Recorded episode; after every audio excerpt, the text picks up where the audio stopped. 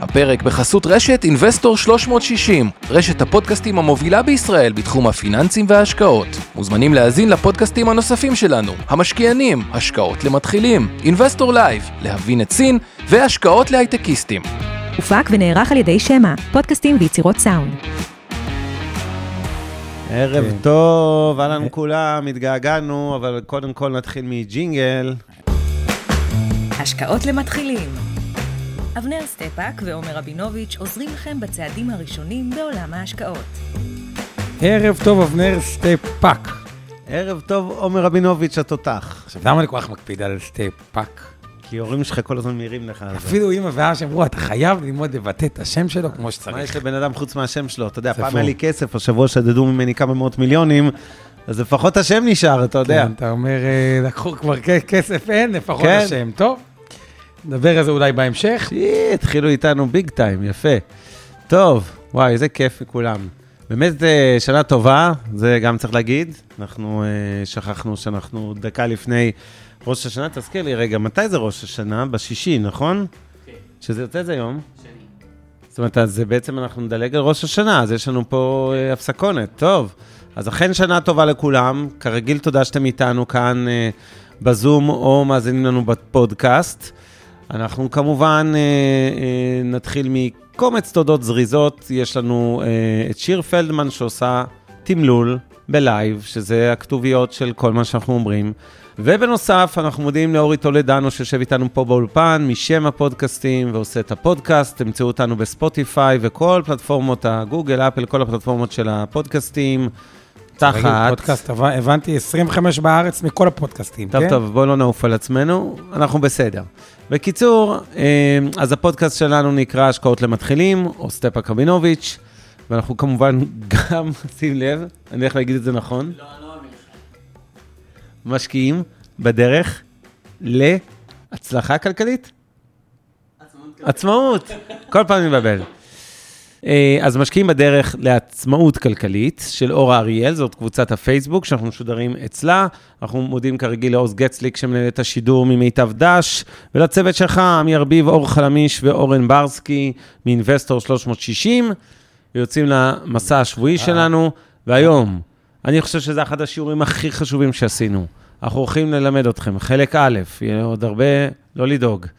אה, זה קצת חומר טיפה קשה להבנה, אבל כל הנושא של ניתוח דוחות כספיים, כדי... אה, זה, זה כיף לראות את כל המנחמים והמפרגנים. חבר'ה, אני נראה כמו מישהו שנפלה רוחו. מר לוינסון, אתה יכול להרגיע את אשתך, הכל כרגיל. גם אם נפסיד, מי, מי, מי שלא מבין על מה אני מדבר, אז מי שעוד לא נחשף לעיתונים, אז היה התביעה של הכו- איזו ירושה היסטורית מסיפור של בעיקר אנשי קבע של חבר משנות ה-60, מתגלגל מפועלים לדש, מדש למיטב דש, משהו מלפני באמת מיליון שנה, ופתאום במשמרת שלנו קיבלנו פסק דין, תשלמו כמה מאות מיליונים יפים. עוד לא ברור אפילו בדיוק כמה. אז uh, הכל בסדר, אנחנו בשליטה, אנחנו גוף גדול, נעמוד בזה. אפשר להיות רגועים. Uh, גם החודש, אנחנו מסיימים את חודש אוגוסט, אני לא יכול לפרסם תשואות יחסיות, נראה לי שהלקוחות של מיטב דש יהיו מרוצים. לא ניכרת השפעה, נקרא לזה, לאירוע המצער הזה על שום דבר, אה, לא בגיוסים ולא בשום דבר אחר. תאמינו לי, אם אני רגוע, גם אשתך יכולה להיות רגועה. ועכשיו, אה, אבל תודה באמת לכולם רק על שתדעו, הפרגנויים. אה, על הפורמליות, אני ראיתי את הכתבה גם למי שזה, ובדיוק אה, אבנר היה שבוע שעבר, היה לו, הוא עושה קורס פינטק בהרווארד, נכון? אני צודק? זה כן, אני הרווארד. עכשיו עושה קורס. כן. הוא עושה קורס פינטק בהרווארד, סטודנט, כן, לא מעביר. אז לפעמים אבנר אוהב להקניט אותי, בדרך כלל אני המבוגר האחראי, אבל הפעם אמרתי, טוב, אני נחליף תפקידים. אמרתי לאבנר, אבנר, איך שיצא כתבה, לא בטוח שתספיק את הקורס אה, פינטק שלך. אז את האמת, ענית יפה. מה עניתי? אני אפילו לא זוכר. מה? מה עניתי? תזכר לי. דווקא אני הולך לקורס פינטק, הכל בסדר. לא רק זה, באותו ערב עשיתי זום לעובדי מייקרוסופט, ואני רוצה להגיד לך, ממש, כאילו, הם היו בהלם קצת מה עם כל הכותרות וזה, זה היה כמה שעות אחרי. הכל בסדר. אה, טוב, בוא לא נמשיך. לדאוג לי, אה, מכרתי את הבית, האוטו, את אשתי והילדים, אבל הכל בסדר.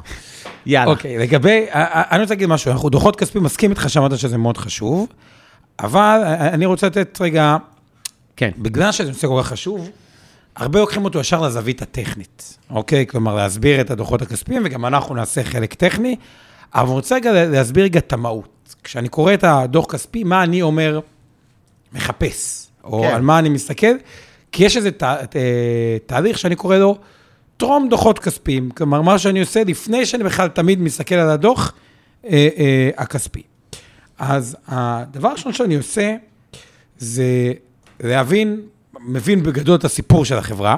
כלומר, כל חברה יש לה איזשהו סיפור שצריך לקבוע עד כמה הוא אמין או לא אמין, אה, ונעשה אולי דוגמה איתכם אחרי זה גם בלייב. הדבר השני שאני בודק, זה מה המכפיל של החברה. ואני רוצה לעשות רגע פה סדר, דיברנו על מכפיל רווח, על כמה קבוצות מכפילים. יש את הקבוצה של המכפילים הנמוכים, 15 אה, ומטה, זה בסדר להגיד מכפיל נמוך היום 15 ומטה, או כי פעם אמרתי 10 ומטה, אבל זמנים השתנו. אה, 15 ומטה, כן. יש את העולם, או בואו נקרא לזה בין 10 ל-17, כן. יש את העולם שאני קורא לו בין 17 נגיד ל-25, ויש את העולם של מכפילי רווח 25. כשאתה אומר מכפילי רווח, אנחנו אומרים מכפיל אחורה או קדימה, כשאתה שם לי את כל המדרגות האלה? קדימה, אפשר לצורך אוקיי, העניין מכפיל אה, רווח אה, עתידי. ל- להסתכל, אבל הבאה, גם אה, כן. אה, אחורה, ואז יש קבוצה של ההזויים, שזה כל מיני חברות אפסיות במכפיל הכנסות וכו'. עכשיו, מה בעצם אנחנו באים בפעולה שעוד רגע נראה לחפש בדוחות הכספיים? אני מחפש להבין ככה, להבין את הסיפור של החברה, עד כמה הוא עושה לי שכל או לא עושה לי שכל, ותרגישו חופשי גם לשאול על חברות ספציפיות. אחרי זה אני מבין את רמת המכפילים. למה? אם המכפיל הוא נמוך, אז אה, אני אהיה פחות תוקפן בדוחות הכספיים. כלומר, אני ארצה לראות שה... סלחן. סלחן, שהסיפור הוא אמין והדוחות פחות או יותר משקפים את הס- את הסיפור הוא ב- בערך. ככל שאנחנו במכפילים יותר גבוהים, אהה. אנחנו נצטרך שני דברים במצטבר. אחד, סיפור יותר אמין, כלומר, אם אני קונה חברה, ונביא דוגמה היום, אה, את מה הבאנו בתור דוגמה? את... אה, נעבור לדוח של דניאל כוח אדם. דניאל למשל, כן. זה מניבים. הנה נגיד, מהקבוצה דווקא שמכפילים הלא זולים. נכון. לדעתי מכפיל 23 או 20 ו... אה, באזור של 23, שזה אומר, אם החברה לא צומחת, תוך 40 שנה אני מחזיר את ההשקעה, כלומר 25 זה מייצג, אה, לא, לא, טעיתי, תוך 25 שנה. כלומר 4 אחוז בשנה, עוד פעם חוזר. ארבעה דניאל, אחוזים. אחוזים, 4 אחוזים. דניאל, אם הם מכפילים הבינוניים או בינוני יקר, זה אומר שהסיפור שלה צריך להיות מאוד אמין. למה הסיפור אמין? הסיפור צמיחה, כי אם חס וחלילה דועכת, אני אז המניה אגזר, עלולה להתרסק. להתרסק, אבל גם אם היא בסדר, עדיין היא צריכה לצמוח, כלומר להצדיק מכפיל 24, בטח בשוק הישראלי. ואז בדוחות הכספיים, אני צריך אישוש לסיפור, אנחנו חברה, הרי כולם מספרים לנו שהם צומחים, אנחנו חברה צומחת. כלומר, הרעיון הוא להבין את הסיפור, להבין את רמת המכפילים, ואז הדוחות אמורים לאשש את הסיפור. אבנר, אתה מסכים, או שאתה רוצה להוסיף משהו? או... מסכים איתך שבאמת, במקום, אה, כן, לחפור בדוחות כספיים, צריך לעשות את הצעד המקדים שאתה עושה, של קצת לראות את המכפילים ולראות שבכלל רלוונטי, אה, כי יש חברות ש... אה, זה גם תלוי בענף כמובן, כן? אבל בואו ניקח אפילו דנאל. דנאל זו חברה בתחום כוח האדם, אתם מבינים לבד שזה לא הייטק, וזה לא חברה שיכולה לצמוח עכשיו ב- לאורך שנים רבות, זה לא שוק שצומח כל כך דרמטית, אה, החברה בוא נראה עשתה צמיחה. יפהפייה בשנים האחרונות. כוח אדם, יש לה סיעוד, יש לה את כן, עיניים קנתה, בסדר. נראה איך אתה... טוב, תכף נראה. בוא- נראה את הסיפור שלה. בכוונה בחרתי חברה שאתה לא מכיר אולי מאוד לעומק, אבל אני... מי? דניאל, אתה עושה צחוק? אני לא מכיר את דנאל. אוקיי. כל בורג אני מכיר בדנאל. ניסיתי להתקיל אותך. לא, אני גם. צוחק, אבל אני מכיר לא רע, אבל בואו בוא נדבר. אוקיי. בואו בוא ניכנס רגע לעניין. אז קודם כל, רגע לפני שנתחיל לצלול איתכם ממש לדוחות הכספיים, אני חייב להדגיש, בגלל שאנחנו נותנים פה דוגמאות ספציפיות, אז זה עוד יותר מההדגשות שלנו בכל שבוע. אנחנו, אה, בסך הכל זה למטרה של הדגמה, של ללמד אתכם דוחות, זה לא המלצה לביצוע אה, קנייה או מכירה של מניות דנאל, או מניבים, או כל חברה אחרת שנזכיר פה הערב, כולל בשאלות ששאלתם אותנו על בבא ואחרות, שעוד נגיע אליהן לקראת הסוף. אבל, אה, וזה גם לא ייעוץ השקעות בכלל, כן? זה באמת, אה, כמו שאתם הבנתם, את הסדרה שלנו זה לחינוך פיננסי, ללמד אתכם מושגי יסוד, להפוך אתכם למשקיעים יותר טובים בעצמכם, ולא רק אה, אה, תחת בתי השקעות או בנקים. אה, ובגדול, אה, אם נזכיר פה מניות, תניחו שאנחנו מחזיקים את מניות דנאל, מניבים וכו' בתיקי ההשקעות של לקוחות אה, אינבסטור 360, או בתיקי השקעות קרנות הנאמנות, תעודות הסל, קרנות הפנסיה, קופות הגמל וקרנות ההשתלמות של מיטב דש. ולכן יש לנו אינטרס באזכור שלהם, וכל מה שאנחנו אומרים היום זה דעתם הפרטית של עומר רבינוביץ', אינבסטור 360, ושל אבנר סטפאק, ולא של מיטב דש בהתאמה, זאת אומרת, לא של אינבסטור ולא של מיטב, סליחה. ועכשיו אנחנו בשלים לצלול, נתחיל מקצת רקע, מי שלא מכיר את דנאל, זו חברה לא, זה- ישראלית. תראה במאיה, אמרת שנראה להם איך מגיעים למאיה. כן. אגב, אז קודם כל, כן, בואו נתחיל אגב. מאיפה אתם מוצאים דוחות כספיים. יש אתר, אה, קוראים לו מאיה, הוא שייך לבורסה בתל אביב. באתר הזה יש בעצם לכל חברה אזור עם כל הדיווחים של הבורסה, כולל הדוחות הכספיים. אתם מקישים פה את שם החברה, מגיעים לעמוד של דנאל, יכולים לראות אפילו קישור להקלטה של שיחת הוועידה שהמנכ"ל של החברה, אילן ישראלי, עשה עם המשקיעים. אוקיי? אז זה עוד איזה חומר רקע מעניין לשמוע, אה, בלי קשר, לא ניגע בזה היום. אה, כשאתם בודקים חברות, יש הרבה מאוד אה, נוהג שמשתרש יותר ויותר בשנים האחרונות, עושים שיחות ועידה בזום או באודיו ומקליטים אותם, ואז אנליסטים ואנשי מקצוע וגם משקיעים מהציבור יכולים לשמוע מה בעצם אה, מספרים שם, לפעמים הוא נותן קצת הסתכלות קדימה וכולי. אה, עוד גילוי, נא- עוד דבר כן. שאני הרבה פעמים, יש כן. בנוסף לקישור, יש מצגת לשוק ההון, ולשמחתי אני אומר את זה, בשנים האחרונות המצגות הלכו והשתפרו, ולפחות כן. אני כ- ככלי, הרבה פעמים, המ- המצגת לשוק ההון, עדיין צריך לדעת לקרוא דוחות כספיים, כי יש שם ביטויים לדוחות, אבל המצגת לשוק ההון, אה, היא נותנת כן. תמונה די טובה. כלומר, אה, אני, אני מסכים. אז אה, אה, דנאל היא חברת סיעוד וכוח אדם בישראל, שווה שלושה וחצי, או שלושה מיליארד וחצי שקלים. זה השווי שוק שלה בבורסה, זו חברה שצמחה פי 20 מאיזה, או לא פי 20, פי 5, 15 בערך, מאזור ה-200-300 מיליון מספרים כאלה לשווי הזה בתוך שנים ספורות. אה, נחשבת אה, חברה מאוד מאוד מצליחה בסקטור קשה.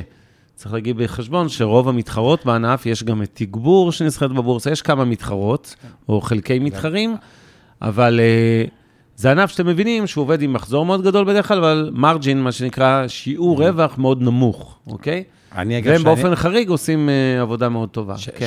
הייתי סטודנט ב- באוניברסיטה העברית, שנה א', העברתי קורס שוק ההון, ודנאל, אה, ו- ולימדתי אותם סקנר של כלכליסט, אמרתי, איך חטיבת מחקר? בואו נשתמש בסטודנטים, שהם יעשו מחקר, שיבחרו לפי הסקנר בכלכליסט שלימדנו, יעשו אנליזות עומק, הבאתי להם איזה פורמט, ואז אני אוכל זה. ודנאל אז הייתה שווה באמת מאות מיליונים בודדים, ודווקא הרבה סטודנטים אה, זיהו אותה, זה היה לפני איזה... יפה. ב- אוקיי. בקיצור, קיימת אה, 47 שנים, מונפקת בבורסה משנת 92, עד אז היא הייתה פרטית. נתון מיוחד קצת, זו חברה ללא גרעין שליטה, מה זה אומר? אין בעל הבית אחד, אוקיי? במיטב דש, אני ו-BRM, נגיד, בעלי שליטה בחברה, מחזיקים בערך 61 אחוז. פה אין בעל הבית אחד, אלא כל המניות האלה מפוזרות בין ציבור רחב, גברת כהן מחדרה שקנתה את זה בבנק, לבין גופים מוסדיים שמחזיקים אה, כ-40 אחוז מהמניות, וכמו שאתם רואים, חברה ענקית מחזיקה 28,000 עובדים, כמו במודל המקובל בכוח אדם, אתם יודעים שהעובד, עובד קבלן, הוא נחשב עובד של חברת דנאל, גם אם הוא ביומיום הולך לבנק או לחברת ביטוח. ארבע, יש. לה- ארבע חטיבות עסקיות, חטיבת אה, סיעוד לקשישים, מה שנקרא דנאל אה, סיעוד, חטיבת אוכלוסיות מיוחדות, אה, בית אקרשטיין, בי, חטיבת משאבי אנוש, שגם זה מתחלק פה לשתיים, דנאל משאבי אנוש ונישה, חברת נישה, וחטיבת. רפואה, שהם קנו את דו- דוקטור לוינגר מדיקל ומנור מדיקל. אוקיי. אה, חברה שחלק גדול מההכנסות שלה מגיעים ממכרזים ממשלתיים. אה, מה עוד יש מציינים מעניין? אה, זה, אתם רואים פה בעלי מניות. אה, באמת, העיקריים, זה לא חשוב. בואו נדלג על זה, זה הדירקטוריון, גילוי נאות, הבחור פה עם התמונה, יושב ראש, הוא גם דירקטור אצלי במיטב דש. רמי הוא אנטין? אחלה, כן, בפנינסולה ליתר דיוק של מיטב. המנכ"ל וההנהלה, סבבה. עכשיו, יאללה, עוד דבר שאני עושה רגע לפני שאנחנו נצלול ממש לדוח, כן. אוקיי, ואני גם אשמח שנעשה. בכיף. אני אוהב זריז, זריז, זריז להיכנס לביז פורטל, אולי נעשה את זה share סקרין, ובתוך הביז פורטל לראות את המגמה בחמש שנים ה- ה- האחרונות, וגם להסביר את המינוחים דרך זה המרכזיים. עכשיו, למה אני אה, מבזבז לנו את הזמן. מבזבז לנו את הזמן? כי אני חושב שהכל דוח רבעוני או דוח שנתי, הוא בא על איזשהו רקע מסוים. כלומר, מספרים לי סיפור צמיחה, כנס לביז פורטל. כן. הרבה פעמים אני אוהב להסתכל על גרף חמש שנים, בואו רק נעשה טיפה רקע ואז נצלול, נעשה חמש שנים גרף. אני. רק מסתכל על המגמה, שאני אומר שכל חברה שאני מנתח, חמש שנים או שלוש שנים של ההכנסות והרווח, לא. כדי לראות את המגמה. כלומר, אה, מה רמת המכפילים ומה המגמה של הדוחות. ועכשיו אליך. ועכשיו אנחנו נצלול לדוחות עצמם. אז הנה, אנחנו רוצים לעבור איתכם, בגדול, הדוחות הכספיים בנויים בגדול משלושה דוחות שונים. הדוח הראשון שאנחנו הולכים לעבור עליו עכשיו, זה דוח רווח והפסד נקרא, אוקיי? שבו רואים את ההכנסות, ההוצאות ואת הרווח של חברה. הדוח השני שניגע בו זה מאזן, שמראה את הנכסים, את ההתחייבויות ואת ההון העצמי. נסביר, אל, אל תדאגו את כל המושגים האלה עוד מעט. והדוח השלישי והאחרון, שלא נגיע אליו בוודאות היום, הוא אה, תזרים המזומנים. אנחנו בכוונה חילקנו אה, את כל הנושא הזה לשני פרקים, כי זה נושא מאוד כבד, לא רק בגלל שיש שלושה סוגי דוחות, אלא בכל סקטור הדוחות נראים קצת אחרת. היום אנחנו נטעם משלוש חברות, אנחנו נראה את דנאל בכוח אדם, מניבים בתחום הנדל"ן, אה, אם נספיק גם נראה את הדוח של אפל האמריקאית, ומה היה לנו עוד אה, חברה, חברה שרצינו להראות? תזכיר לי. אחרי זה, בחלק השני של משקנים, נראה מלא, לא, לא, מלא אני- חברות. לא, היום, היום, מה היה פה, חוץ מדנאל ומניבים? דניה מניבים. הייתה עוד אפל. שלישית. אוקיי, ואפל, בסדר. אז אה, כמובן שלכל אה, סוג חברה, אם זאת חברת טכנולוגיה, חברת נדל"ן, חברת אה, בית השקעות או בנק, הדוח נראה אחרת קצת, אנחנו נראה גם את בנק דיסקונט, אם יספיק לנו הזמן, ואם לא, לא לדאוג, אנחנו בחלק ב' שבוע הבא נשלים. אז, הדור, אז הסעיפים נראים קצת שונה, אבל פרינציפ הוא זה, זה תמיד הכנסות, תוצאות, רווח, אוקיי? זה דוח רווח והפסד. אחלה. אז אנחנו מתחילים עם הדוח, אתם רואים פה, נתחיל מהטורים, מעבר לסעיפים השונים, אתם רואים לאיזה תקופה. יש תמיד השוואות. למשל, הטור הכי ימני זה לתקופה של שישה חודשים, שהסתיימה ב-30 לשישי 21, ממש לפני חודשיים. אוקיי? זה כל המחצית הראשונה של שנת 21, הטור השני מימין הוא כל המחצית הראשונה של שנת 20. אפשר לעשות השוואות, ואתם כבר רואים משורת ההכנסות, שאם בחצי שנה החברה הזו רשמה 1.13 מיליארד שקל הכנסות, מול 932 מיליון, אני מעגל קצת מספרים, במחצית הראשונה בשנה המקבילה, בשנת צמחה. 2020, אז אתם רואים שהיא צמחה בכ-200 מיליון שקל בהכנסות, שזה מעל 20 אחוז בהכנסות, זה כבר התחלה טובה. אחרי זה אנחנו רואים בטור השלישי והרביעי אותו דבר לרבעון השני. לא כל המחצית, אלא רק השלושה חודשים של אפריל, מאי ויוני. גם שם רואים שהחברה צמחה מ-456 מיליון בשנה קודמת. מזכיר, כבר התחילו השפעות הקורונה אז, אז יכול להיות שחלק מהצמיחה היא קצת מטעה, כי הרבעון והחציון היו חלשים יחסית בשנה שעברה, בגלל חל"תים וכולי. אמ, ו... אמ, אחרי זה שנתנו את ההכנסות. מה זה? לא, תמשיך הלאה, אתה עושה את זה מצוין, אבנר. אוקיי, ואז, והטור האחרון זה מראה פשוט נתוני 2020, סתם שאיזה בנצ'מרק של שנה שלמה האחרונה. ככה זה תמיד בדוחות כספיים, בסדר? אה, בואו נתחיל. אז הכנסות זה הכנסות. זה כל ההכנסות של החברה מכל תחומי הפעילות. דיברנו על ארבע חטיבות, הראינו לכם במצגת, או השמענו לכם במצגת, סיעוד ומשאבי אנוש וכל מה שיש לחברה הזו בקיצור, נכנס תחת הכנסות. אחרי זה יש לנו את עלות ההכנסות. מה זה עלות ההכנסות? במקרה של חברת כוח אדם, הסעיף העיקרי של ההוצאה, שהוא כמעט כן היא. כל ההכנסה, זה כוח אדם. נניח לצורך העניין שדנאל זכתה במכרז של משרד הרווחה לאייש 50 תקנים של עובדים ועובדות סוציאליות בבית אבות סיעודי בצפון. ה-50 עובדים האלה, נניח שהם מקבלים שכר של 9,000 ברוטו, אה, ומתוכו, ודניאל מקבלת מהמדינה אה, 11,000 שקלים ברוטו לעובד, אוקיי? אז אנחנו נראה בהכנסות 11,000, בהוצאות 9,000, הרווח הגולמי הוא 2,000. תכפילו את זה ב-28,000 עובדים, תגיעו לנתונים שאנחנו רואים פה. הרווח הגולמי של החברה במחצית הראשונה, בואו נעבור מסודר רק על הטור הימני, זה מספיק טוב בשביל להבין את הדוחות הכספיים.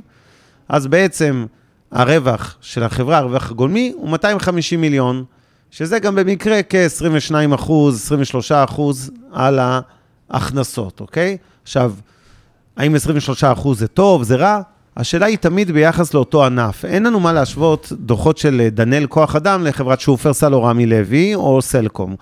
אבל כן נשווה מה שיעור הרווח הגולמי, האחוז של הרווח הגולמי מסך ההכנסות, בין חברות באותו סקטור. פה יש מעט מאוד חברות, הזכרתי את אחת המתחרות שלהן, זה תגבור, היא חברה הרבה יותר קטנה, אבל נגיד ניקח רשתות שיווק, אז נשווה את רמי לוי וטיב טעם ושופרסל ופרש מרקט וויקטורי כמובן, וכל מי שנסחר בבורסה.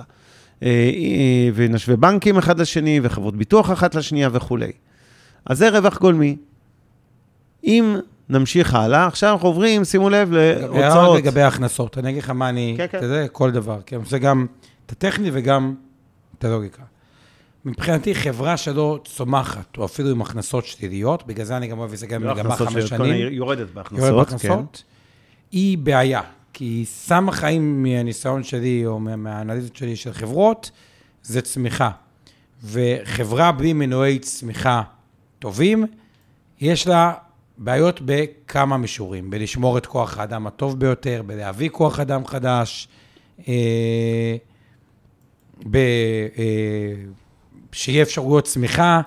אה, כלומר, חברות בלי צמיחה הן חברות, לדעתי, בבעיה מסוימת, בשורת תראה, ההכנסות. זה חוזר לדיונים שעשינו בעבר, כשהסברנו על חברות צמיחה מול חברות ערך. חברות ערך, לא, לא, אגב, שוב, אני לא מדבר על חברה צמיחה 15% מול 4%.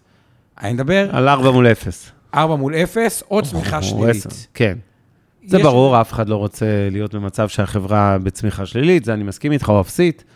אה, בכל אופן, אז הגענו לשורת הרווח הגולמי, ועכשיו אנחנו ממשיכים עם צד ההוצאות, ומורידים עוד הוצאות. קודם כל, הוצאות מכירה ושיווק, נניח קמפיינים בטלוויזיה, פרסומות בעיתונים, לפעמים השכר של אנשי מכירות של דנאל, אלה שהולכים למשרדי ממשלה ולחברות עסקיות לשכנע אותם לקחת עובדים מחברת דנאל, כלול הרבה פעמים בסעיף הזה. אתם רואים שישה, קצת מעל שישה מיליון שקל הוצאות בחציון, ואחרי זה הסעיף העיקרי זה הנהלה וכלליות. מה זה הנהלה וכלליות? זה בעצם כל המטה של חברת דנאל, העובדים ש... שעובדים במטה עצמו, לא אלה שהולכים אה, להיות אה, עובדת סוציאלית בעמותת X מטעם כי אתה- תן- אז במטה זה הכספים והמשפטית והמנכ"ל, מנכ"לית של חברה, וכל חברי ההנהלה, וכל מי שעוסק בכל המקצועות שיש במטה רגיל, הנהלת חשבונות ומחשוב ו- וכל הדברים האלה.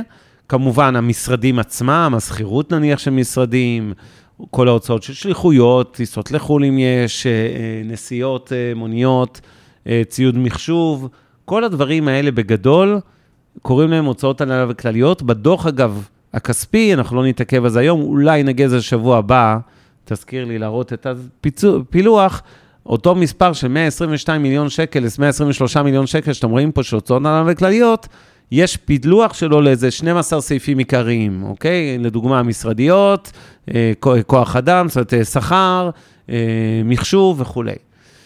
ויש לנו גם הוצאות אחרות, זה זניח פה, נדלג על זה, ואז מגיעים לרווח התפעולי או רווח מפעולות, זה אותו דבר, זה 122 מיליון.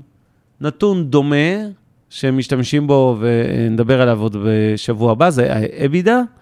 EBITDA זה אה, באנגלית, זה earnings before interest, אה, tax, depreciation and amortization, או בעברית, EBITDA זה בעצם הרווח התפעולי של החברה, שהוא מגיע לפני. הוצאות מימון, לפני הוצאות פחת, לפני. תשלום מיסים והפחתות אה, הפחתות שוטפות, נסביר על כל זה, לא לדאוג. עכשיו, מה אוקיי. שתראו, רק עוד הערה לגבי דניאל, מה שראיתם פה זה הכנסות עם עלות מכר מאוד מאוד גבוהה. כלומר, עלות ההכנסות הייתה גבוהה, והוצאות מכירה ושיווק, נגיד, מאוד מאוד נמוכות. מה כן. שאנחנו רואים, כל התזה של ההייטק, אם כבר מדברים, תראו בדרך כלל עלות הכנסות מאוד מאוד זולה, כלומר, שולי רווח גולמי מאוד מאוד גבוהים. כלומר, סיילספורס, בשביל להנפיק את המנוי הבא, אין לה כמעט הוצאה.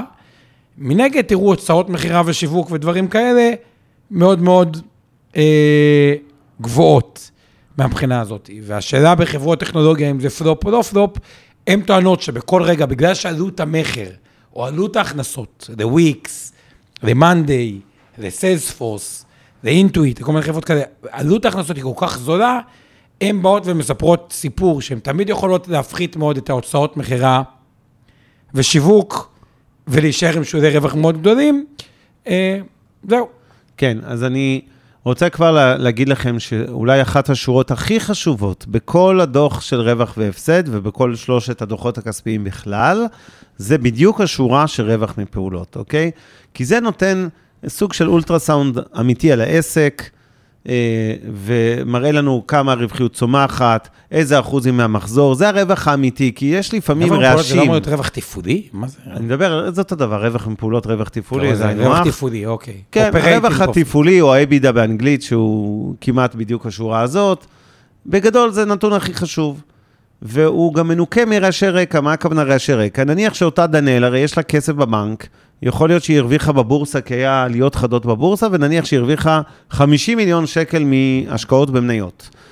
אנחנו לא רוצים לערבב את הרווח הזה של ה-50 מיליון עם הרווח התפעולי, נכון? כי זה יכול להראות לנו בעצם איזשהו מצג שווא, שהחברה הרוויחה הרבה יותר ממה שהיא באמת העסק הזה מרוויח, ולכן כל הנושא שלמשל רווחי ניירות ערך או הפסדי ניירות ערך מופיע בשתי השורות הבאות. אתם רואים הוצאות מימון והכנסות מימון, אז הכנסות מימון, הוצאות מימון זה ריביות על הלוואות. נניח שיש להם חובות, אגרות חוב או הלוואות בבנקים, והם משלמים ריבית, שילמו 6 מיליון שקל במחצית הראשונה, ריביות זה הוצאות מימון. הכנסות מימון, זה בכוונה מוצג בנפרד ולא. נטו, יכול להיות או הכנסות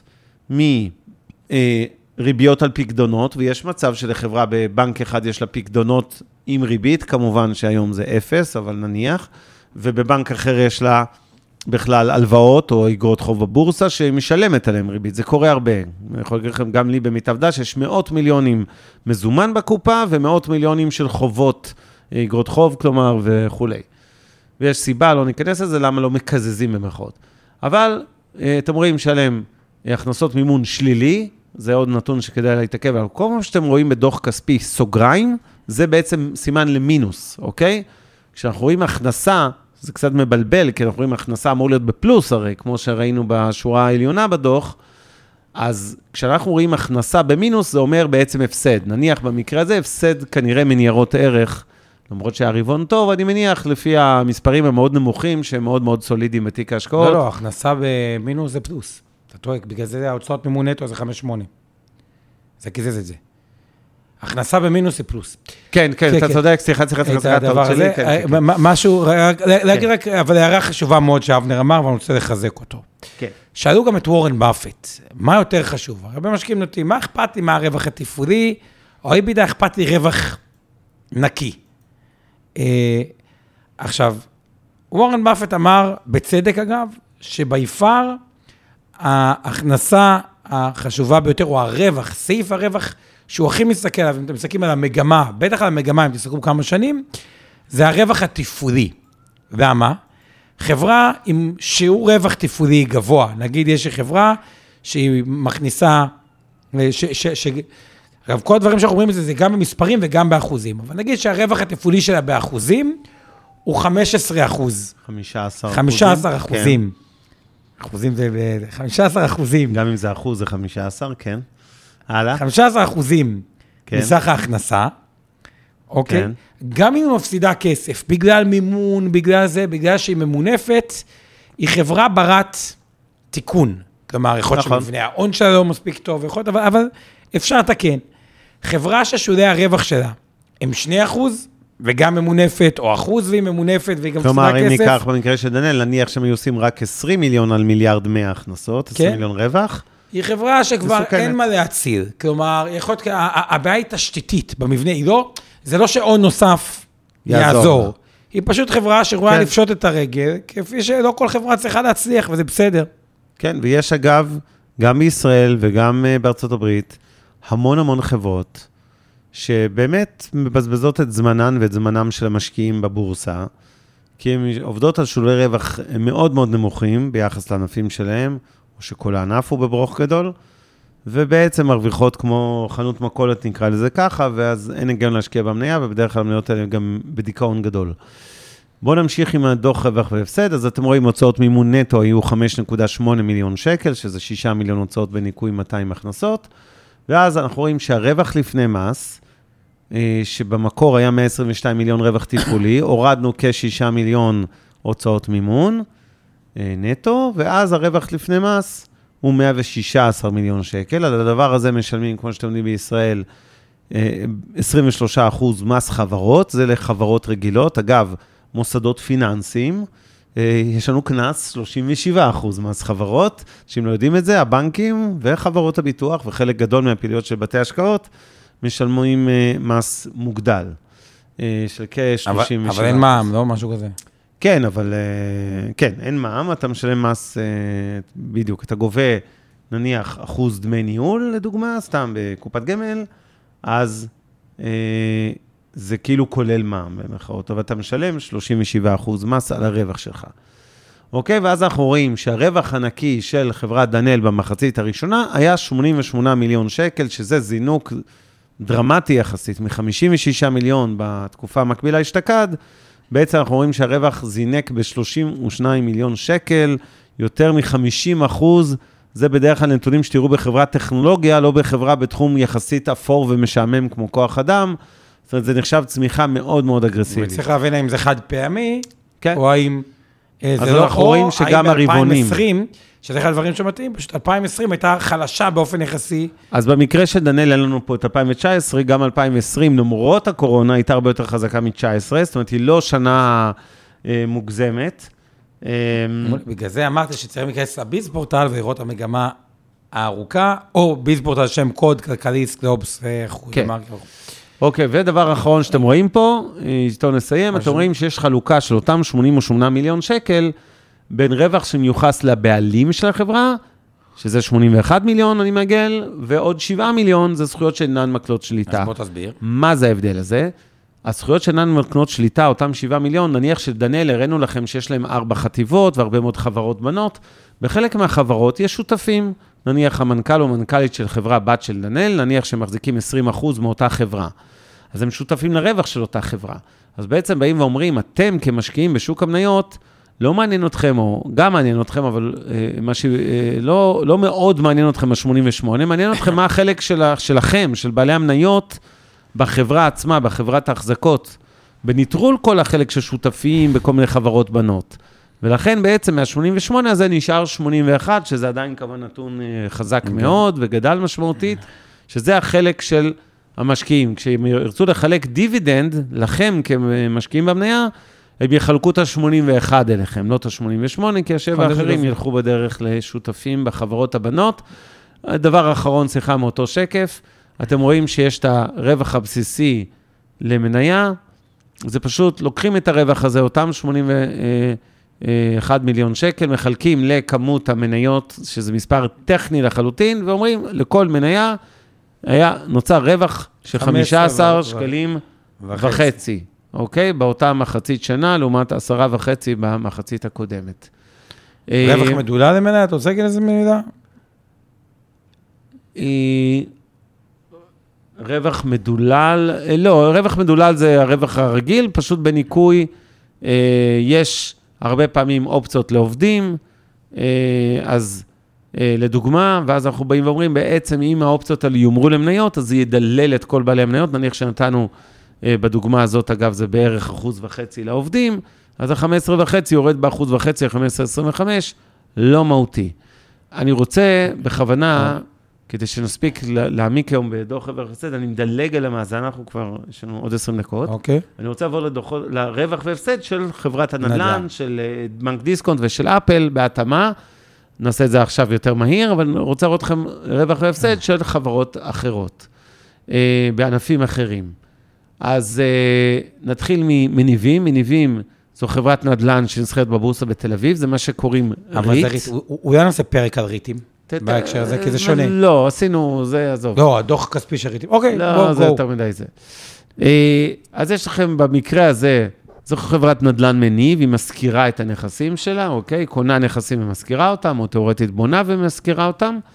יש להם מגדל, אה, מי שמכיר, חדש גבוה בכפר סבא שם, גבול רעננה ליד אמדוקס, ובכל בכל, גוש דן והמרכז בעיקר, אוקיי? ואז אנחנו רואים, אם נסתכל שוב על הטור הכי ימני, במחצית הראשונה של השנה הזו, ההכנסות משכירות 59 מיליון שקל, מול 53.6 ברבעון, בחציון אה, המקביל אשתקד, כלומר, עלייה של כמעט בדיוק 10 אחוזים אה, בהכנסות.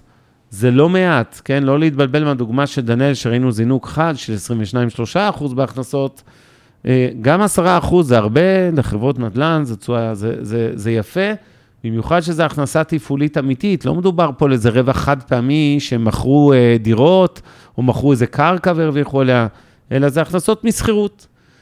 אה, יש לכם, כמו בדוגמה עם דנאל, גם פה יש עלות ה, שמביאה למרכאות מעין הרווח הגולמי, אוקיי? זה עלות השכרת הנכסים.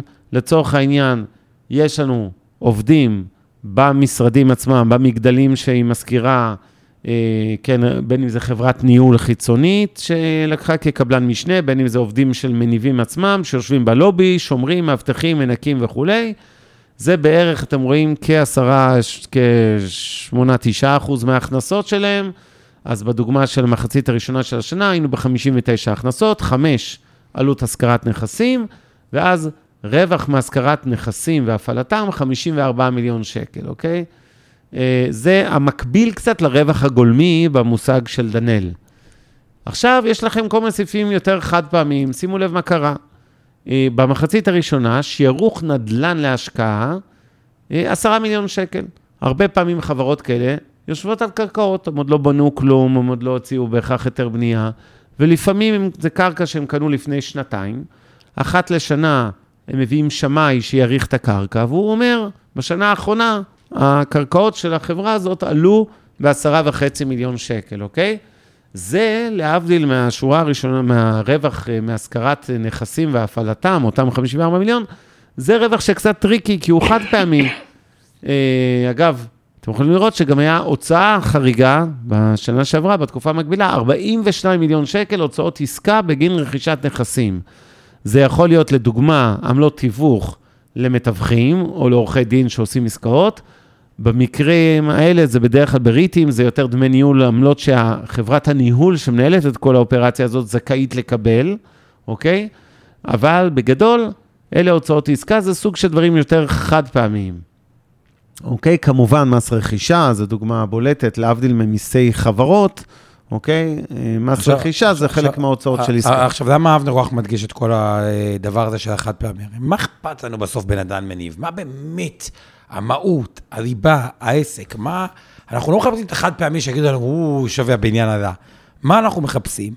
אנחנו מחפשים בסוף את הרווח מהשכרת נכסים, שבאנגלית זה נקרא NOI, Net Operating Income.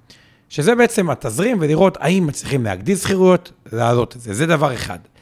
בניגוד לחברה, זה סוג של הרווח התפעולי של חברות הנדל"ן. רק מה, בניגוד לחברות אחרות, נדל"ן בשביל לייצר רווח דו-ספרתי, וכל מי שמתעסק במניות לא בא למניות בשביל רווח חד-ספרתי, הוא בא בשביל רווח דו-ספרתי, או לפחות חד-ספרתי גבוה.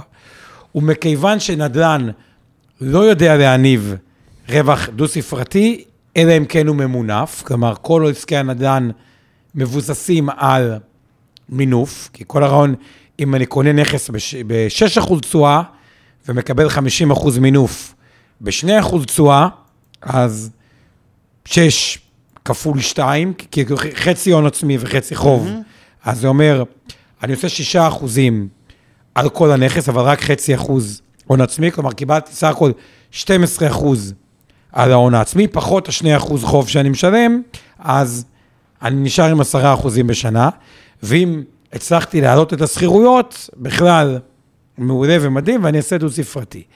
אז בגלל זה הם אומרים, NOI זה הרווח, או הרווח מהשכרת נכסים, זה מה שרווח תפעולי. הוצאות המימון בדרך כלל יהיו גדולות, ורואים את זה פה, שהוצאות המימון הם סעיף עם הרווח מפעולות אה, מהשכרת נכסים הוא 53 מיליון, ההוצאות מימון פה במקרה הזה הם 15 מיליון, והוא סעיף... 15 מיליון, איפה אתה רואה את זה? כן. 15 מיליון. יפה. כן. ואז יש נתון שנקרא FFO. מה זה אותו FFO? כן, אבל זה, רגע, רגע, לא, לא, לא, לא, אנחנו עושים מסודר. FFO לא מופיע פה בדוח אה, של רווח והפסד, אלא זה נתון שאנחנו מחשבים אותו, ואני חכה, אנחנו לא רוצים לבלבל את ה... המאזינים ואת הצופים. בשורה התחתונה אתם רואים שהחברה הזאת אה, הרוויחה 40 מיליון שקל אוקיי? אה, במקרה הזה צריך להגיד רק שלריטים, בגלל המבנה שלהם זה חברות, אה, יש פטור ממס, זה, זה חברות שבעצם מראש נועדו עם כל מיני הטבות מס, כדי לעודד גם את שוק הנדל"ן, במובן הפוך של היצע, וגם אה, לקרר אותו, כלומר, ובדרך כלל הריטים מחויבים לחלק את כמעט כל הרווחים האלה, את אותם 40 מיליון שקל כדיבידנד לבעלי המניות, ואין שם בעל הבית אחד שמחזיק, אה, כן, 90 אחוז מהעסק או 51 אחוז. אה, ריטים זה גוף, זה קצת דומה לדנאל, זה לא בהכרח בלי גרעין שליטה, אבל זה בדרך כלל מפוזר בין אה, כל הגופים המוסדיים. בואו נראה רק את השקף הבא, שכאילו נדבר על ה... אז, אז בעצם, ב...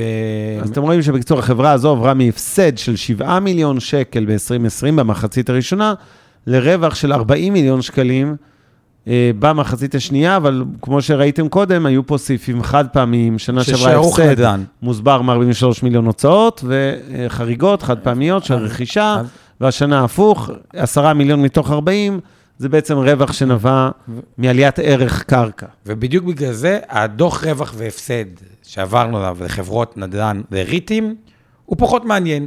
כי הוא מעניין, אבל ה- ה- הוא מאוד מאוד מוטה לשערוך שווי נדל"ן הוגן להשקעה, שהוא נתון שבעצם מעוות מאוד את הדוח. ולכן, תעביר? ולכן, יש שתי נתונים בחשבון, ב... ב אתה אה, רוצה תעביר לחזור אחד. לפ- לפה? לא, פה. למעלה. רגע, ולכן, הנה. ספציפית בריטים, יש שתי נתונים מאוד, שני נתונים, נתון אחד, שני, שני נתונים מאוד מאוד חשובים. אחד זה התזרים מפעילות שוטפת, באנגלית NOI, ושתיים, זה אם ניקח מזה ונחסיר את כל עלויות המימון, אנחנו נקבל FFO. עכשיו, אותו FFO, ופה מי שככה שומע אותנו, רואים שקף לגבי מה היה NOI, במקרה הזה 49 מיליון, אה, וה-FFO הוא 37, שעלויות המימון מפרידות ביניהם. עכשיו, למה ה-FFO הוא כל כך חשוב?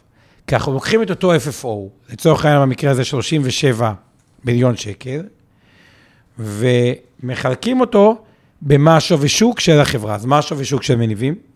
אני לא? זוכר, לא חשוב. תגיד. לי, תדע לנו בינתיים. כן. ואז אנחנו מקבלים את אותו FFO לחלק לשווי השוק, שזה הנתון הכי חשוב בנדל"ן אה, בריטים, מקבלים איזשהו אחוז תשואה. ואנחנו צריכים, האם בהינתן הסיפור של החברה, שבנדל"ן מניב בריטים מיליארד שלוש. כלומר, ה-FFO הוא 37 והחברה שווה מיליארד שלוש, כלומר, FFO נותן פה תשואה די נמוכה, שזה כן. שלושה אחוזים. לא מדויק, זה 40 רק תשכח בחציון, אה, לא שהייתי מכפיל את זה בשתיים. לא, אבל בשתיים, בשתיים, בשתיים, אתה צודק, אתה צודק, זה על חציון. זה- כלומר, זה תשואה 37 יפה. כפול 2, או טיפה... 74 מיליון. נגיד לא- 80 מיליון נחלק. זה כלומר, אם זה 40 שישה מיליון, אחוז זה- בערך זה- זה תשואה. בערך 6 אחוז תשואה. נכון. ונשאלת השאלה, האם תשואה נטו לאחר ריביות של 6 אחוזים, טובה, לא טובה, ואז צריך לשאול עוד פעם סיפור של חברה, רגע, במה היא מתעסקת? בלוגיסטיקה, בבתי חולים, במשרדים, בחניונים, מה אתה מיני נכסים? האם יש היכולת להגדיל שכירות, האם יש נכסים שהם לקראת השכרה נוספים, אבל אנחנו נרצה שה-FFO לחלק לשווי השוק של החברה, הוא יהיה כמה שיותר גבוה באחוזים. כלומר, אם יש לי משהו שמניב לי 8 אחוזים, 9 אחוזים, זה עדיף ממשהו שמניב לי 6 אחוזים, ונרצה שהנכסים יהיו כמה שיותר אה, טובים. אוקיי. הם אומרים לנו גם שה-FFO צפוי ל-2021 הוא בין 74 ל-75. מיליון שקל, בסדר. אז uh, הבנו את זה, בואו נראה אם יש שאלות רלוונטיות על זה, עוד נחזור לדברים אחרים, ואם לא, נמשיך עם דוח של דיסקונט ודוח של אפל. Um, אוקיי, uh, כן, חייבים, תמיר ברגר מזכיר, שחייבים לחלק 95, 90 אחוז לפחות מהרווח בריט, חייבים לחלק כדיב, כדיבידנד לבעלי המניות, להבדיל אגב מכל חברה אחרת שלא חייבת לחלק כלום. Uh, בסדר, אנחנו נחזור לשאלות, אני, אנחנו לא שוכחים שאלות אחרות, אבל חשוב לנו לעבוד פה מתודולוגי, אה, ואנחנו ממשיכים איתכם לדוח רווח והפסד של בנק דיסקונט, זה כדי להדגים סקטור שהוא שונה מאוד, כמובן, מנדל"ן או מהייטק, או מדנאל כזה. ואתם רואים פה את תמצית הדוח של בנק דיסקונט פרסם אה, שבוע, בשבוע שעבר. אה, צריך להגיד ברקע, עשינו על זה הרבה שיחות. אה, כל הבנקים פרסמו דוחות פנטסטיים מהחלל, כן. תשואות על ההון פנטסטיות, ושבוע הבא אתם גם תבינו את המושג תשואות על ההון עוד יותר לברגים שלו, כשאנחנו נדבר על המאזן וההון העצמי. אבל רק במילה אחת, בנק בסוף הוא יצור שיש לו הון עצמי, שהוא מזומן, כלומר, הוא אמור לעבוד עם הכסף שלו, ובסוף יש לו איזשהו הון עצמי. אנחנו נרצה שההון עצמי, ויש לו שווי שוק. כלומר, זה היחס בבנקים. כלומר, אם הבנק יש לו 10 מיליארד הון עצמי ו-10 מיליארד שווי שוק, מקבלים מכפיל הון אחד. כלומר, שווי שוק לחלק להון העצמי הוא אחד. ככל שבנק נסחר מתחת להון העצמי, אם הבנק נסחר מתחת להון העצמי, שזה קורה, לא הרבה אבל זה קורה, אז אנחנו קונים שקל של הבנק בהנחה. כלומר, שקל של הבנק לצורך העניין ב-80 אגורות או 70 אגורות. כשבנק נסחר מעל ההון העצמי, לדוגמה בנק מזרחי היום הוא מעל ההון העצמי, אני קונה שקל של הבנק במחיר שהוא יותר, אה, ביותר משקל, לצורך העניין שקל, שקל 20. ולמה הרווח נועד? יש את הרווח שמיועד. בסוף יש, הרווח, אם אנחנו מחלקים אותו בהון עצמי, יש מונח שנקרא תשואה על ההון. ככל שהבנק, אם הבנק יודע לייצר 10% לשנה תשואה על ההון, והוא במכפיל הון אחד, לאורך זמן אני אמור להרוויח כ-10 אחוזים. כלומר, אם קונה שקל של הבנק בשקל, זה מייצר 10 אחוזים. עכשיו בואו נלך רגע לסעיפי רווח של הבנק אה, וכו'. אוקיי. אה, אתה רוצה לעבור בקצרה על הדוח? כן, אנחנו נעבור על הדוח, אז בואו נתחיל מהכנסות ריבית. אה, כמובן, המקור ההכנסה המרכזי של בנק, מן הסתם זה ריביות, אוקיי? יש עוד הכנסות מעמלות וכולי, אבל המקור מספר אחד זה הריבית. אתם רואים שברבעון אה, האחרון, הרבעון השני של 2021, זה טכנית מסודר פה הפוך הטורים, המסודרים הפוך, אבל בגדול הכנסות ריבית היו 2 מיליארד שקל, 1997, זה מוצג במיליוני שקלים. אז שאתם רואים את הנתון הזה, בגדול 2 מיליארד שקל, זה הכנסות מריבית, אוקיי? לצורך העניין, העמידו אשראי לכם, משכנתאות, אה, אשראי לעסקים וכולי וכולי, אה, מינוסים ש... ואוברדרפטים של אנשים שמשלמים ריביות חריגה, כל הריביות הגיעו ל-2 מיליארד שקל ברבעון, שזה בערך קצב של 8 מיליארד שקל לשנה, לא רע בכלל. מצד שני, יש הוצאות ריבית, גם כשהריבית היא אפסית ובקושי מקבלים משהו פקדונות, פה ושם, על הסכומי עתק שמופקדים בבנק, גם כמה שקלים בסוף מגיע ל-300 מיליון שקל, ולכן אתם רואים שההכנסות ריבית נטו, ואני מעגל פה, היו 1.7 מיליארד שקל בשלושה חודשים. זה השניים מינוס 0.3. אחרי זה אתם רואים את ההוצאות בגין הפסדי אשראי. בכל דוח נורמלי, למעט המחצית הראשונה של 2021, תמיד בבנק הזה, בכל בנק, לא רק דיסקונט, בכל חברת אשראי, אתם תראו מה שנקרא הפרשה לחובות מסופקים, או בשמה, אה, כמו בדוח דיסקונט, הוצאות בגין הפסדי אשראי. הרי נניח שחברה העמידה אשראים, בנק העמיד אשראי ב-50 מיליארד שקל לעסקים, למשכנתאות וכולי.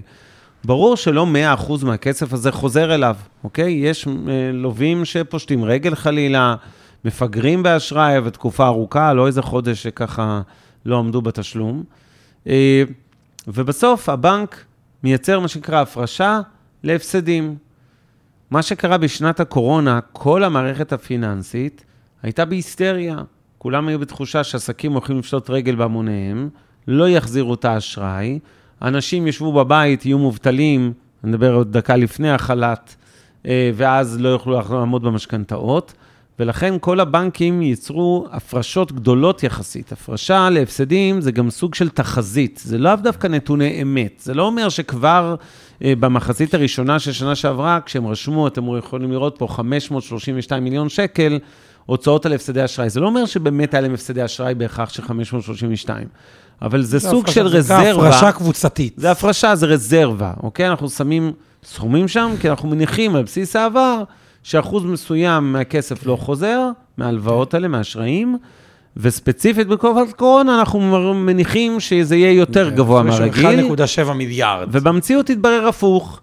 א', גם בעולם זה ראינו את זה, משקי בית קיבלו, בעולם במיוחד, אה, תמריצים. אה, בארצות הברית יש שיא כל הזמנים, שיא חיובי של החזרי אשראי, כלומר, מעט מאוד נופלים, כי כשמקבלים צ'קים מהמדינה, קל להחזיר את וגם פחות ההלוואות. מוציאים, כי לא כן. טסים ולא עוזב, ופחות. מבזבזים. ובארץ ראינו כמובן את העסקים שמקבלים הרבה מאוד כסף, לצורך העניין תמריצי ממשלה. אז זה בעצם הסיפור של אה, הפסדי אשראי. אחרי זה אנחנו רואים הכנסות אה, מימון שאינן מריבית, בסדר? ועמלות, אתם רואים שהעמלות הוא סעיף עצום, הוא כ-800 מיליון שקל, אוקיי? זה עמלות אה, קנייה מכירה בניירות ערך, דמי משמרת, עמלת שורה, עמלת, אה, אה, כל דבר יש אה, בבנקים עמלות. זה הכנסה, אה, אה, זה הכנסה מעמלות. ואז מסכמים לכם, סך כל ההכנסות שהן לא מריביות על אשראי, היו אה, 875 מיליון שקל. אחרי זה, כמו בדוחות שראינו של דנאל כוח אדם וכמו בדוחות של חברת הנדל"ן, יש לכם הוצאות תפעוליות, משכורות של העובדים, 830 מיליון שקל, החזקה של אה, נדל"ן ופחת בניינים וציוד וכולי, עוד 300 מיליון, עוד כל מיני הוצאות אחרות, למשל שיווק וכולי, נמצא פה, 470 מיליון, סך כל ההוצאות 1.6 מיליארד, מה שמשאיר אותנו עם רווח עצום של 1.4 מיליארד שקל ברבעון, אוקיי? אין לנו הכנסות של בערך 3 מיליארד, 2.100 ועוד 900, מול הוצאות של 1.6, נשאר 1.4, שזה מטורף. תחשבו איזה עסק, כן, אה, מצליח להרוויח 1.6 על 3 מיליארד, 1.4, סליחה, מיליארד, על 3 מיליארד הכנסות, אנחנו מדברים על 40 ומשהו אחוז. יפה, עכשיו, עכשיו להגיד את זה רגע. יותר מזה, שנייה, כן. מה ההון עצמי של הבנק? עוד רגע את זה, מסיימים, אז. אה, תזדרז, מסיימים, אז כן. אה, תעשה הון עצמי של הבנק. אה, אורי, אבל תמשיך, קטעתי אותך באמצע. אז אני אומר, אז, אז שיעור הרווח הוא מאוד גבוה, ההון עצמי, עזוב, אנחנו שבוע הבא צוללים אה, לא, למאזנים, כולם פה אני ידעו. דווקא להדגיש, כי- כן. כי שיעור הרווח בבנק של עצמו, הוא לא כזה מעניין, 1-4. כי אם ההון עצמי של הבנק היה 100 מיליארד, אז 1-4 ברבעון על 100 מיליארד, זה כולה 1-4 אחוז על ההון העצמי, או מאוד תלוי מה השווי שוק. אז בואו נסתכל רגע על השווי שוק של בנק דיסקונט ומה ההון העצמי שלו. שני מונחים. אז אורי טולדנו, תסתכל מה... תן לי את זה. או שמישהו יכתוב תוך כדי. טוב, טוב, בוא, תמשיך, בוא, עזוב את ההון העצמי, אני אומר לך, שבוע הבא אנחנו עושים על מאזן, לא אוקיי. לדאוג. תשואה. כל מה שאומר, ככל שה- בקיצור, אה, בוא, תן לי רגע, בוא נסיים את הדוח הזה, כי אנחנו צריכים עוד רגע לסיים. נסיים, אוקיי. אז הרווח לפני מס 1.4 מיליארד, אה, הפרשה למיסים, אתם רואים שהמס פה הוא הרבה יותר גבוה, הסברתי את זה קודם, מוסדות פיננסיים, חברות ביטוח, בנקים, בתי השקעות משלמים מס יותר גדול מחברה רגילה במשק, לכן השיעור המס הוא מעל 30 אחוז פה, והרווח הנקי, 866 מיליון שקל. אה, זה בעצם מה שבנק דיסקונט מרוויח בשלושה חודשים. אתם רואים שבכל שנת 2020 הרווח היה 957, כלומר בשלושה חודשים הרוויחו כמעט את כל השנה שעברה, אוקיי? עכשיו, מהרווח הזה, כמובן, מותר לבנקים לחלק, היום הם חזרו גם לחלק דיבידנדים לבעלי המניות, ואני רוצה להתחיל לארוז את השידור. אנחנו ממשיכים איתכם, כמו שאמרנו, היום היה דוח, דוחות כספיים חלק א', שבוע הבא אה, נתחיל אולי מהדוח של אפל, לתת לכם גם איזה טעימה מחו"ל, ונעבור למאזנים. עד היום דיברנו היום על אה, דוחות רווח והפסד, הסברנו את כל המושגים, הדגמנו לכם את זה עם שלוש חברות מסקטורים שונים, כי הדוחות נראים קצת אחרת, לחברה כמו דנאל כוח אדם, לחברה כמו אה, מניבים שפועלת בנדל"ן, ולחברה כמו דיסקונט שהוא בנק. זה כמובן, ראיתם שזה לא זה, אבל הפרינציפ, השלד דומה. הכנסות, הוצאות מסוגים שונים, רווח תפעולי, הוצאות מימון, רווח לפני מס, מיסים ורווח נקי אחרי מס. זה תכלס אה, זה. ואנחנו מיד נתחיל עם הקבוצה למתקדמים. טוב. אז זהו, סיימנו את המפגש הראשון, אנחנו כבר נתחיל את המפגש הבא, המשקיענים. אנחנו רוצים להודות לכל מי שהיה איתנו, ולהזכיר גם לאלה שעכשיו מצטרפים לקבוצה למתקדמים. חברים יקרים, תזמינו, ילדים, ילדות, אחים, אחיות, סבים, סבתות, הורים, כל מי שקצת פחות חי את עולם הבורסה וההשקעות. אנחנו כבר עושים אה, מעל 30 מפגשים שמסבירים ממש מההתחלה מה זה מניות ומה זה אג"ח, ואנחנו עוד מעט נעשה איזה מרתון מיוחד גם למתחילים, נפרסם אותו בנפרד, אבל יש כבר, אה, אפשר לאתר את כל המפגשים שלנו בזום ובפודקאסט, מהרגע שהתחלנו את הפודקאסט, ואנחנו מסבירים מה זה מניה ומה זה איגרת חוב ומה זה הלוואה ומה זה משכנתה, והיום עשינו הסבר על דוחות אה, כספיים, זה היה חלק א', עברנו כן. על דוחות רווח והפסד של שלוש חברות, דנאל כוח אדם, בנק דיסקונט ומניבים נדל"ן. ואנחנו הולכים להמשיך שבוע הבא על מאזן, גם נראה עוד דוח של אפל כדי להראות קצת משהו מחו"ל, אבל להסביר מה זה מאזן של חברה, קצת אה, נטעם תזרים מזומנים. אני חושב שזה שני מפגשים סופר חשובים, ואני אגיד שגם אנשים שהם איתנו במשקיענים, בקבוצה הזאת שמתחילה עכשיו למתקדמים, אה, בקיצור, זה נושא שהוא אה, מאוד מאוד חשוב למשקיעים, בטח כאלה שמשקיעים לעצמם ורוצים לדעת לנתח חברות, ועכשיו אנחנו נתחיל לדבר על סיכום עונת הדוחות לרבעון השני.